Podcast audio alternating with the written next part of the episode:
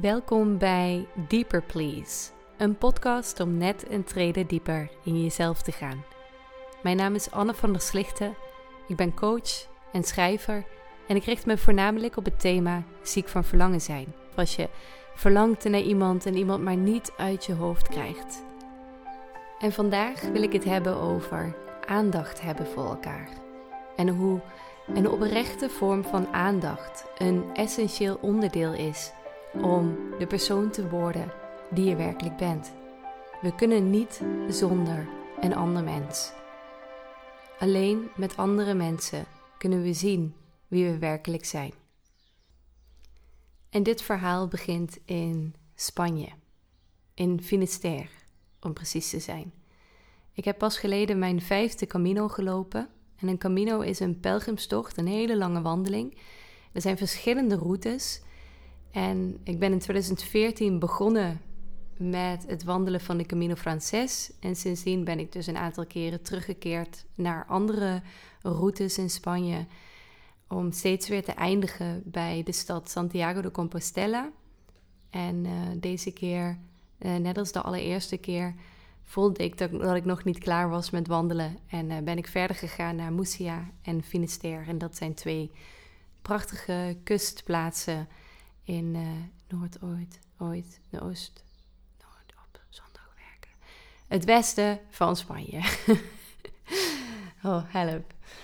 Oké, en ik wil graag um, een verhaal met je delen, een persoonlijk verhaal over hoe het voor mij was daar en waar, uh, hoe iemand mij weer echt zag en wat dat met me deed. En daar wil ik graag over uitweiden. En het begint met Jeff, de Canadese Jeff, die tegen me zegt: Anne, weet jij dat je dat vaker doet? Dat wanneer je je ongemakkelijk voelt, je met boeken, schrijvers en theorieën komt? Hij kijkt me indringend aan.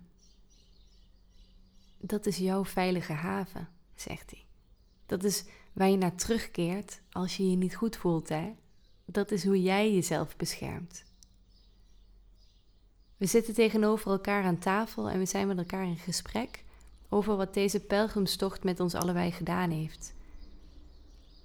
Om ons heen zitten medewandelaars. Daar links in de hoek scrolt er iemand op zijn telefoon en daar rechts achter mij leest iemand een boek.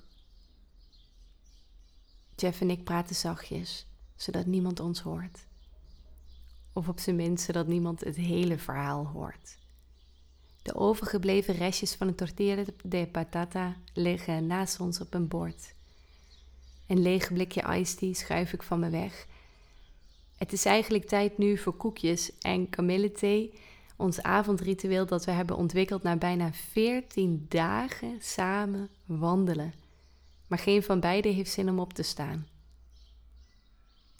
Ik bestudeer Jeff's gezicht. De rimpels rond zijn blauwe ogen, dat ene bruine vlekje in zijn linkeroog. Hij kijkt nog vriendelijk, nog geërgerd naar me. Zijn blik rust in waarheid, daar waar emoties niet eens meer bestaan, maar alleen een kalmte overblijft. Jeff heeft gelijk. Dit is wat ik doe. In plaats van me beledigd te voelen door zijn directe, observerende opmerking, voel ik me gezien. Door en door gezien zelfs. Hier zit een man voor me die zijn best doet om het te horen. Iemand die zijn best doet om voorbij mijn eigen schild te gaan. Voorbij de woorden waarmee ik een ander mens altijd weer op afstand houd. En ik, ik houd anderen niet op afstand omdat ik dat per se wil, maar omdat ik schrik van mijn eigen gevoelens. En dat dan voor eventjes helemaal geen raad mee weet. En daar waar ik van wegloop, daar laat ik een ander al helemaal niet toe. Het effect van Jeff's woorden is dat ik voel hoe mijn hart zich naar hem opent. Hij is ruim twintig jaar ouder dan ik. Maar ik kan het niet laten om een gevoel van dankbaarheid en zelfs, en dat vind ik moeilijk om toe te geven, voor een kort moment vlinders in mijn buik te voelen. Ik glimlach. Weet je dat jij de eerste bent die dit zo direct tegen me zegt? Ik weet dat mijn geliefde en mijn vrienden thuis dit lang hebben opgemerkt bij mij. En ik weet dat mijn psychotherapeute dit soort van tegen me gezegd heeft. Maar nog nooit heeft iemand me er zo direct mee geconfronteerd. Ik zucht diep. En we glimlachen naar elkaar. Wat voelt het goed om met woorden aangeraakt te worden? Wat voelt het goed om gezien te worden? Dankjewel, zei ik tegen hem. Dankjewel. Ik sta op om thee te zetten en om dit moment nog eventjes wat meer ruimte te geven. En Jeff gaat ondertussen op jacht naar de koekjes. Terwijl ik water in de waterkoker giet, denk ik aan alle mensen die in mijn praktijk komen omdat ze verliefd zijn geworden op een ander. En steeds weer hoor ik dat ze hetzelfde tegen me zeggen. Ik voel me zo door hem of haar of hen gezien. Ik voel me sinds tijden echt begrepen. Elkaar het geschenk geven van de ander echt willen begrijpen is zeldzaam in het leven. De inmiddels overleden mysticus John O'Donoghue schreef ooit over elkaar dit geschenk geven en wat dit met ons in relatie tot een ander en in relatie met onszelf doet. En hij zegt: de oppervlakkige leugentjes om bestwil en halve waarheden die bij het sociale leven horen, die vallen op dit moment weg. En je kunt zijn zoals je echt bent. Liefde wekt begrip op. En begrip is kostbaar. Waar je wordt begrepen, ben je thuis. Begrip voedt de verbondenheid met elkaar. Uit Anamkara 1996, dus door John O'Donoghue geschreven. Waar je wordt begrepen, ben je thuis. Oh, ik vind dit zo mooi, hè? Maar laten we eerlijk zijn. Wanneer krijgen we deze intense mate van begrip van onze eigen directe omgeving? Van familie, van vrienden, van collega's?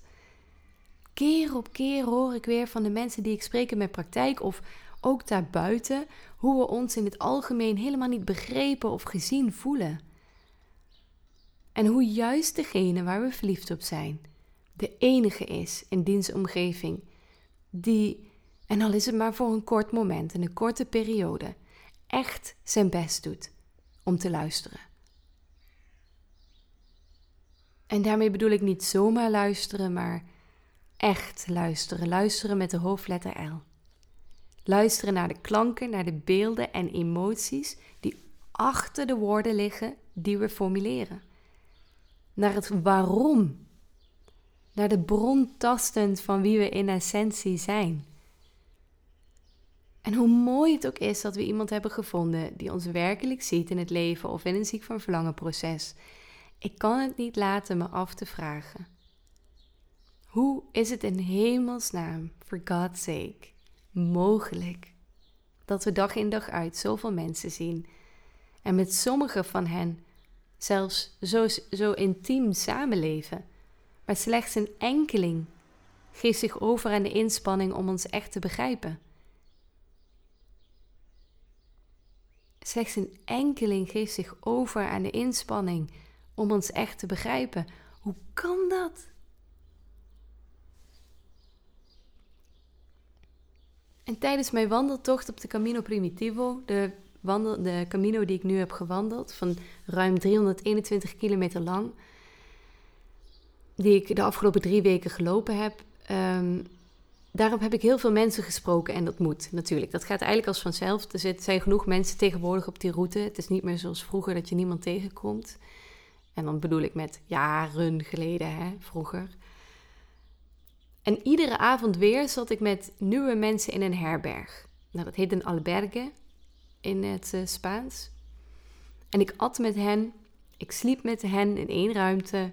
Ik hoorde hen op de wc in de ochtend. Kortom, ik leefde met hen. Sommige zag ik regelmatig en andere trof ik slechts een paar keer. In de gesprekken die ik voerde en die ik ook stiekem afluisterde, kreeg ik opnieuw een inzicht in hoe mensen vandaag de dag met elkaar omgaan. En daarover wil ik eerlijk tegen je zijn. Ik ben geschrokken. Wat ik heb gehoord vond ik helemaal niet leuk. Dagelijks werd ik geconfronteerd met de enorme armoede die in sociaal contact heden te dagen leeft. De meeste gesprekken die ik bijwoonde waren oppervlakkig en reactief. Er werd gepraat en gepraat en nog meer gepraat en men reageerde op wat een ander zei, maar men luisterde niet naar wat een ander zei. Er werd langs elkaar heen gesproken, zoals auto's die langs elkaar rijden, beide een andere richting opgaand. Daarnaast werd er gesproken zonder denkpauzes, zonder elkaar de ruimte te geven mee te doen aan diens eigen verhaal.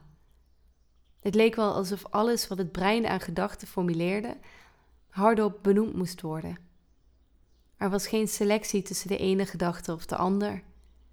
Er was alleen maar een, een aan één stuk door praten over zichzelf, maar daarbij niet de belangrijke vragen stellend.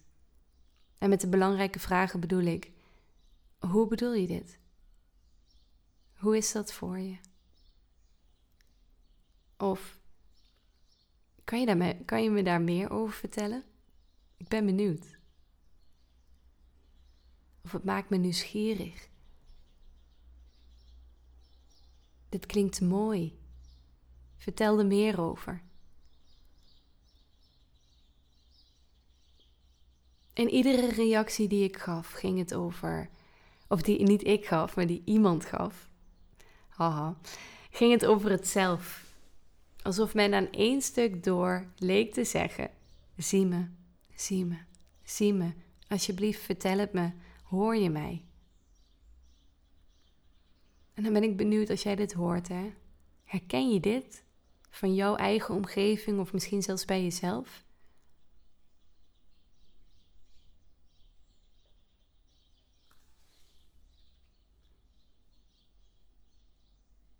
Ik wil graag ook dat je me niet verkeerd begrijpt. Ik hou heel erg van slap ouwe hoeren, slap lullen. Eh, ik hou van grapjes maken. Maar voor mij moet het wel in balans zijn. Met echt aandacht hebben voor elkaar. En als dat er niet is, dan verhonger ik sociaal gezien. En eigenlijk kan ik mezelf wel van mijn kopje slaan dat ik, dat ik misschien zo naïef was om te denken dat het tegenwoordig anders is. Omdat natuurlijk is dit een heel groot onderdeel van de realiteit van alle dag. Polarisering is de, deze laatste jaren het gespreksonderwerp. En dat kan alleen maar bestaan omdat we niet weten hoe we onszelf kunnen openen voor een ander. Omdat we om de een of andere reden opgesloten zitten in onszelf en ons niet veilig genoeg voelen om onze veilige haven tijdelijk te verlaten, zodat we de wereld van een ander kunnen betreden. Er is, denk ik, heel veel angst en een gevoel van onveiligheid. Ik heb getwijfeld natuurlijk of het wel slim is om dit verhaal met jou te delen. Het klinkt een beetje. Het klinkt zo veroordelend naar anderen. En ik heb het ook zo vaak proberen om te draaien naar mezelf. Van wat, wat, wat, wat zegt het eigenlijk over mij, dit? Oh, maar ik zie ook dat het wel mijn ervaring is geweest, dit. Zo was het op de Camino Primitivo. En zo, zo is het ook voor een, in een heel, heel groot gedeelte van de wereld. Zo communiceren we nu eenmaal met elkaar tegenwoordig. En ik, vertel deze verhalen of ik schrijf deze teksten. Uh, je vindt deze tekst ook op mijn website en op mijn, uh, op mijn website annevanderslichten.nl en mijn Substack Entering. Um, ik vertel het niet omdat ik alleen maar mooie, makkelijke, verteerbare, makkelijk verteerbare verhalen met je wil delen die je alleen maar een goed gevoel geven ik voel ook dat ik hier ben om een pijnlijke waarheid te delen.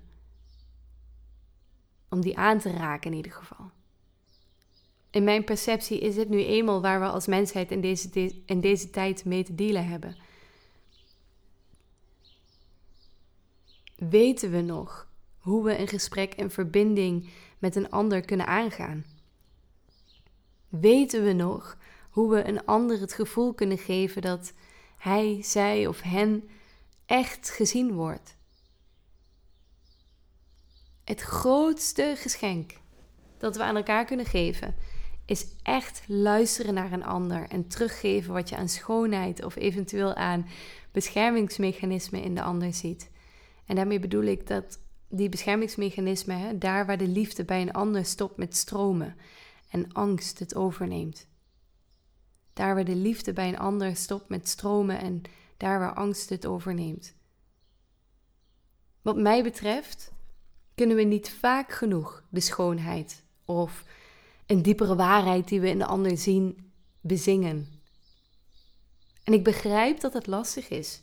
Want hoe kan je een liefde voor een ander bezingen of je best doen om een ander te zien, als je zelf ook graag gezien wil worden? En dat je ook het heel erg nodig hebt. Ik denk dat we allemaal in deze, deze tijd ongelooflijk uitgehongerd zijn. We worden niet echt door anderen gezien. En daarmee zien we ook niet onszelf. En toch hebben we elkaar nodig. Ik geloof namelijk dat we blind zijn voor wie we werkelijk zijn. Alleen iets of iemand anders kan iets laten zien of iets teruggeven in woorden, waardoor wij een waarheid over onszelf kunnen waarnemen. En mijn beste fictieve overleden vriend John O'Donoghue, die schreef in Andankara dat, dat bekende boek van hem. We kunnen slechts een glimp opvangen van wie we werkelijk zijn.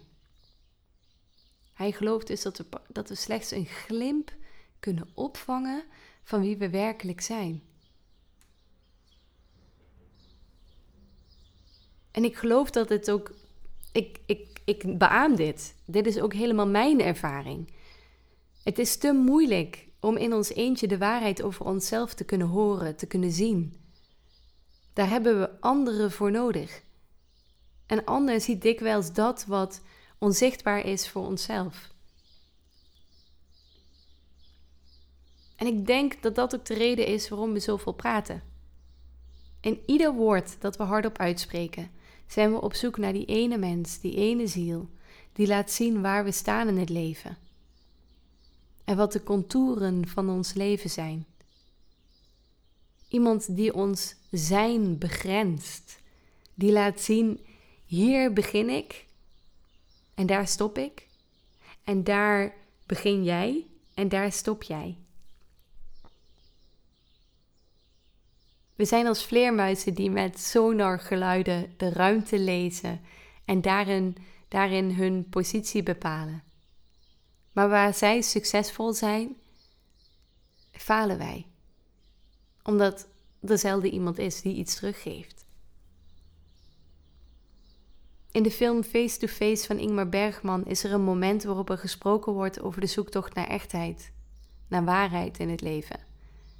En daar zegt iemand: to, to hear a human voice and trust that it comes from a human who is made like me, to touch a pair of lips and at the same time know that it is a, that it is a pair of lips Dus ik herhaal hem even, hè, want ineens begin ik in een andere taal te praten en dat is altijd raar. To hear a human voice and trust that it comes from a human who is made like me. To touch a pair of lips and at the same time know that it is a pair of lips. Komt dus uit de film Face to Face van Ingmar Bergman, 1976. In ons vele spreken zijn we op zoek naar de echo die een waarheid van ons zijn bevestigt. Om te weten dat we echt bestaan. Terwijl ik dit schreef, moest ik sterk denken aan een walvis. Uh, en dat, dat verhaal heet de 52 hertz walvis. Er was dus een walvis die zo bleek helemaal in zijn eentje aan het zwemmen was in een van de grote oceanen die de wereld rijk is. En wetenschappers die vroegen zich af waarom hij daar in zijn eentje was. En uiteindelijk bleek dat het lied dat hij zong van zijn bestaan een frequentie had die andere walvissen niet konden oppikken. Hij bleef het proberen, dagen achter elkaar. Maar niemand was er die hem hoorde. Kan je dat je voorstellen? Die enorme eenzaamheid die deze walvis moest voelen in deze eindeloos diepe oceaan.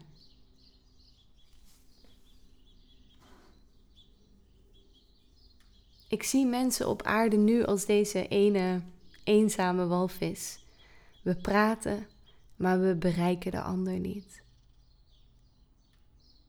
Maar als we ziek van verlangen zijn, of als er iemand is, zoals Jeff bij mij deed, en overigens een heleboel bijzondere mensen in mijn leven. Als er iemand is die die waarheid wel teruggeeft, dan ontmoeten we ineens een andere walvis die onze taal spreekt. Onze frequentie. Ineens hoort iemand ons. Ineens hoeven we niet meer alleen te zwemmen. En dat gevoel, wat mij betreft, is dit het fijnste gevoel in de wereld. Ik word iedere keer een beetje echter als iemand me met de juiste woorden aanraakt. In een gesprek dat ik afgelopen week met Jeff voerde over dit onderwerp, zei hij: Ik geloof dat in ons de potentie zit om in en bij elkaar te ontwaken naar de mens die we werkelijk zijn. En even tussen jou en mij, ik ben echt vreselijk jaloers op die zin. ik wilde echt dat ik hem bedacht had. En ik zou het nog wat, wat erger maken. Toen ik de eerste keer deze blog had geplaatst, toen heb ik heel erg getwijfeld. Zal ik gewoon doen alsof dat mijn zin is? En toen heb ik dat dus even voor een seconde gedaan. Uh, dus ik heb die blog naar iedereen gestuurd. En toen had ik niet erbij gezet dat Jeff eigenlijk die zin had gezegd. Oh my god. Ja. En toen voelde ik me daarna daar zo rot over. En zeker toen ik uh, de tekst aan het vertalen was voor Jeff, zodat hij ook een beetje mee kon lezen. En uh, ja, nu heb ik het dus veranderd. Dus voor iedereen die denkt dat ik zo geniaal ben om zo'n zin te zeggen, dat ben ik dus niet. dat komt dus echt uit het brein uh, van Jefke. Ah, en om nog een keer die zin te herhalen, hij zegt: Ik geloof dat in ons de potentie zit om in en bij elkaar te ontwaken naar de mens die we werkelijk zijn.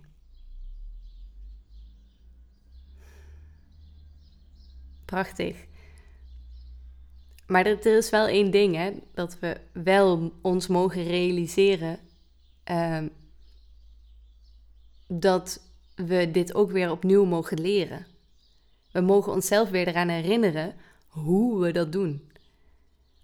Om opnieuw die belangrijke vragen te stellen, bijvoorbeeld om af en toe ons eigen verhaal of onze eigen mening uit te zetten en alleen te luisteren naar waar de ander zich in begeeft. En hoe hongerig we ook zijn om zelf gezien te worden, dat is, dit is zo lastig, ik weet het. Het vraagt om moed en een inspanning om in een gesprek te vertragen en echt even te luisteren naar een andere jij. Ook als je zelf doodop bent van het jarenlange alleen zwemmen in deze grote oceaan die het leven heet. Uit ervaring kan ik zeggen dat, in, dat ik in veel gevallen door een ander te geven wat ik zelf wil ontvangen, dus, dus door een ander wel ook echt die aandacht te geven, ook al had ik zelf ook honger, ik ook precies kreeg waar ik naar verlangde. Want ineens hoorde ik iets wat een niet ontdekt deel in mezelf aanraakte. En ik kan dit ook in de tegenwoordige tijd zeggen, want het is eigenlijk altijd zo. Bij ieder gesprek dat ik heb met mensen, uh, in mijn praktijk ook, ik hoor altijd weer nieuwe delen uh, natuurlijk ook een heleboel dat echt alleen maar aan een ander toebehoort. Maar ik hoor ook hier en daar een reflectie van mijn eigen zijn. Want dat is het mooie, hoe eerlijker we zijn, hoe kwetsbaarder we zijn, hoe, hoe universeler het wordt.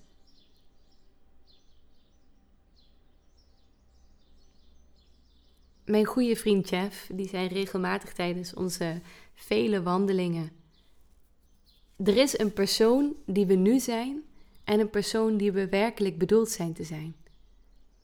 En als die twee samenkomen, bram, dan wordt het leven pas echt genieten. Dus er is een persoon die we nu zijn en een persoon die we werkelijk bedoeld zijn te zijn. En als die twee samenkomen, dan wordt het pas echt genieten. Maar wat hij daarbij niet zei en waar we samen al wandelend steeds weer achter kwamen, is dat we elkaar daarvoor nodig hebben. Ik ben blij dat ik hem tijdens mijn reis daarvoor heb gehad. Hij heeft op zoveel meer manieren aan me laten zien wat nog onzichtbaar was voor mij. Ik weet dat ik hem hetzelfde heb kunnen geven, want dat, dat heeft hij ook wel heel vaak benoemd. Ehm, en er waren misschien niet zo heel erg veel mensen tijdens mijn reis met wie ik een hele fijne verbinding aan kon gaan. Maar net die paar mensen waarmee ik dat wel kon doen, die hielpen me uh, mezelf in een ander licht te zien. Op een manier die zelfs mijn eigen verbeeldingsvermogen over mezelf oversteeg. En daar heeft John O'Donoghue ook weer iets over gezegd. Want in een podcast-interview van On Being, mijn favoriete podcast, uh, zei hij ooit: Zelfs de mooiste gedachten die je kunt bedenken over jezelf zal niet eens de grootsheid van wie je bent kunnen vatten. Zelfs de mooiste gedachten die je kunt bedenken over jezelf, de allermooiste, zelfs die zal niet eens de grootsheid van wie je bent kunnen vatten.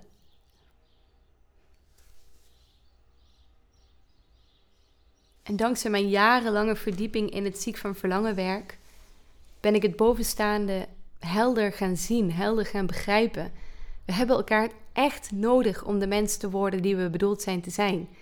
En het kan alleen met oprechte aandacht van een ander mens. Maar daar houdt het niet op. Ik ben ook gaan zien dat dit magische geschenk dat we aan elkaar kunnen geven, toch wel degelijk doorgegeven moet worden, worden, worden, om de betekenis ervan dieper te voelen. Toen Jeff en ik afscheid namen van elkaar, zei ik nog: Dat wat wij samen hebben ervaren is mooi. Prachtig zelfs. En de kans is dat je hiernaar terug gaat verlangen, net als ik. Dat je denkt dat je dit alleen met mij hebt. Maar geef alsjeblieft dat wat je bij mij hebt gedaan uh, ook aan de mensen thuis. Die aandacht, die stilte in je blik, en geef dat wat ik aan jou gaf en dat wat ik in jou raakte, ook aan jouw mensen thuis. Breek de mythe van exclusiviteit. Want dat zal alles veranderen.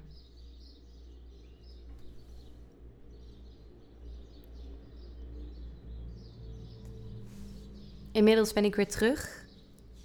En ik ben ook alweer. Uh, ik heb al mijn eerste werkweek weer erop zitten. En de reis die werkt nog in me door. Ik vind het ook fijn om weer aan het werk te zijn. En ehm, ik hoop dat ik nog wel het een en ander mag gaan schrijven over mijn reis en wat het allemaal met me heeft gedaan. En ik wil nog even zeggen aan het eind van deze aflevering dat uh, Jeff en ik, we zijn hele goede vrienden. En er is niets meer dan dat. Want ook in intieme vriendschappen mag er hier en daar een vlinder in de buik ervaren worden. Want die vlinder die zegt eigenlijk maar één ding. Wat fijn dat je me ziet.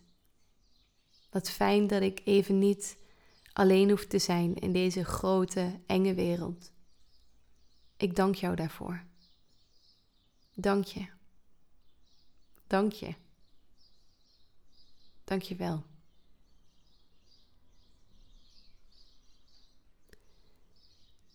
Ben jij op dit moment ziek van verlangen? En wil je jezelf begrijpen? Wil je sowieso dit hele grote onderwerp veel beter begrijpen? Ik heb een heel groot gedeelte van dat wat ik de afgelopen jaren heb geleerd in mijn eigen praktijk, terwijl ik hier vanaf 2016 met dit specifieke onderwerp bezig ben, en uh, eigen ervaringen. Al die kennis, al die wijsheid heb ik gestopt in een aantal lezingen en natuurlijk ook de Ziek van Verlangen methode. En ik uh, bied een online Ziek van Verlangen pakket aan. En dat kan zo fijn zijn als je totaal geen raad weet met jezelf. En er zoveel zelfveroordeling is. Zoveel pijn. Zoveel, oh, ik kan niet gewoon niet stoppen met denken aan de ander. Wat is dit? Zoveel twijfels. We hebben vanuit onze maatschappij een bepaalde kijk op aantrekkingskracht en op als je echt die verbinding met iemand voelt, dat het altijd gelijk ware liefde zou moeten zijn. Dat is ook die exclusiviteit waar ik het over heb. Hè? Onze samenleving heeft ook dat verhaal gecreëerd. Maar er is ook een ander verhaal. Waarom dit nu op dit moment in jouw leven gebeurt. Waarom juist nu? Waarom is die verbinding er? Waarom is die aantrekkingskracht er? Wat wil het je vertellen? En met deze lezingen krijg je daar een veel beter zicht op. En natuurlijk ook de ziek van verlangen methode. is heel belangrijk ook om te doen. In het online ziek van verlangen pakket krijg je dit allemaal. En uh, je krijgt ook een abonnement op, een jaarabonnement op Entering, mijn Substack. Waarbij je naast de blogs die ik stuur ook vaak leuke extraatjes krijgt. En uh, ook mee mag doen met uh, QA. Dus jij stelt een vraag en ik beantwoord hem. Zo hadden we laatst de vraag: hoe kan ik weer liefde voelen naar mijn, naar mijn eigen partner nadat ik ziek van verlangen ben geweest. Voel je dat je dit niet alleen wil doen, dan bied ik ook één op één begeleiding aan. Dit doe ik op twee manieren. Ik bied enkelvoudige sessies aan en intensives. En intensives zijn korte programma's waarbij we op een intensieve wijze op onderzoek gaan naar jouw diepere betekenis van jouw verlangen. Dat begint met twee ochtenden, uitgebreide ochtenden van ieder drie uur. En daarna drie navolgsessies. Je krijgt daarbij ook het Ziek van Verlangen online pakket er als, als een ja, bonus bij. Ik haat dat woord, altijd bonus. In ieder geval, je krijgt het erbij als naslagwerk. Voor meer informatie kijk op annevanderslichten.nl of typ bij Google ziek van verlangen in. En dan als je ergens Anne ziet staan, Anne van der Slichten, dan uh, zit je goed. Um, en uh, op mijn website zie je dus meer informatie over het ziek van verlangen online pakket. Je ziet meer blogs, uh, video's en um, natuurlijk informatie over de één op één begeleiding, de coaching. Nou, ik ben heel erg benieuwd. er is genoeg om te lezen, om te zien, om te beluisteren. en uh, mocht je voelen van ik wil dit dus niet in mijn eentje doen, dan weet je me te vinden. Dankjewel voor het luisteren en uh, kijk gewoon eens of je vandaag, al is het maar gewoon even waarneemt van hey, hoe praten de mensen in mijn omgeving en hoe spreek ik zelf en luister ik wel echt. Waar kan ik misschien een klein beetje me meer inspannen om net een vraag extra te stellen? om net wat meer met mijn aandacht bij de ander te zijn. Want het is nogmaals het grootste geschenk dat we aan elkaar kunnen geven. en gesproken over gezien worden. Deze jingle van Deeper Please is gemaakt door mijn geliefde Teun van Laken. Oh, ik was mijn schatje bijna vergeten. Nou, zo snel kan het dus gaan. ik heb er dus zelf ook een handje van. Teun, je bent geweldig. Dankjewel dat je deze mooie jingle voor mij hebt gemaakt. En je bent zo mooi bezig in je werk op dit moment. Ik hou heel erg veel van je. En ik ben super trots op je. En het grappige is, waarschijnlijk luistert hij deze aflevering nooit. Dus uh, mocht je hem ooit tegenkomen, weet dan, zeg dan even tegen hem: Hey Anne, die uh, heeft een keer tegen ons gezegd dat ze heel erg veel van je houdt.